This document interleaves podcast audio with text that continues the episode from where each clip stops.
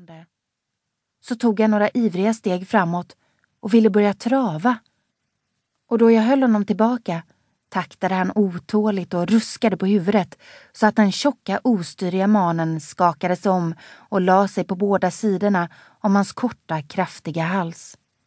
Billy var en stark ponny och inte så lite hård i munnen och jag hade all möda att hålla honom.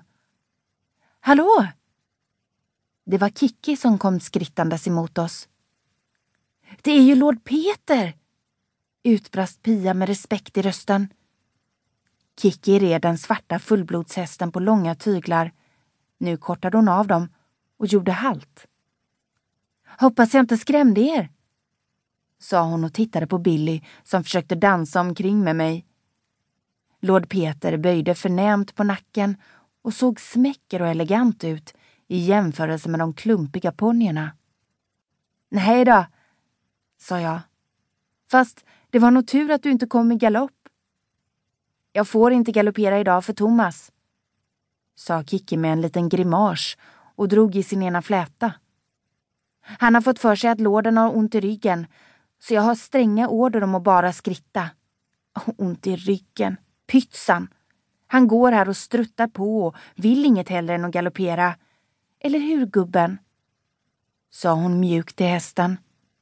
Gissa om man blir sugen. Ja, det tror jag det.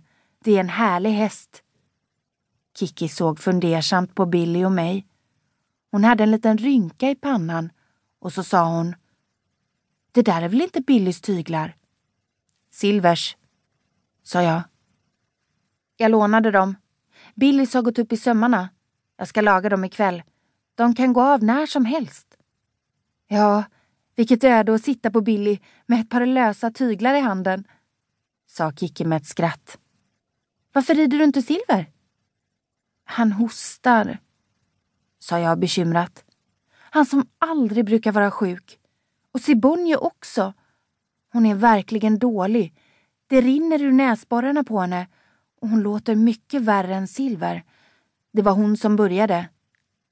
Du får ringa veterinären, sa Kiki. Ja, jag ska göra det, sa jag.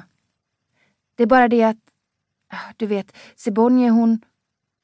Jag tystnade och såg hjälplöst på min kamrat.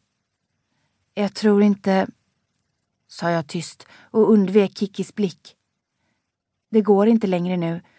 Sibonje Nej, jag kunde inte prata om det. Inte ens till Kikki, som var min bästa vän på ridskolan, kunde jag säga det. Det var mitt problem. Det var jag som måste fatta beslutet. Jag, ensam. Du, jag måste fortsätta med ungarna nu, sa jag snabbt. Innan Billy kryper ur skinnet. Vi måste vara tillbaka på ridskolan om en kvart. Kiki såg undrande på mig. Ja. Hej då, sa hon bara och skrittade vidare. Vi ses! Hej då, svarade jag mekaniskt och vände mig om till ungarna. Är alla med på en galopp? Ja! ropade Silla och Pia och Lillan och Ann. Och så galopperade vi. Ponnyerna var pigga och busiga. De sprallade, hoppade och for och jag fick vända mig om i sadeln hela tiden för att kolla att alla satt kvar. Pia satt lika mycket framme på öronen på lillebror som hon satt på ryggen. Och hon skrek på hjälp tills de andra nästan ramlade av för att de skrattade så mycket. Och då saktade vi av och skrittade en bit igen. Ungarna hade roligt och var på ett strålande humör. De ropade och skojade med varandra och hade inga större bekymmer än att diskutera vem som borde bli vald till Lucia i klubben och vilka hästar som skulle gå med i vårt Lucia-tåg.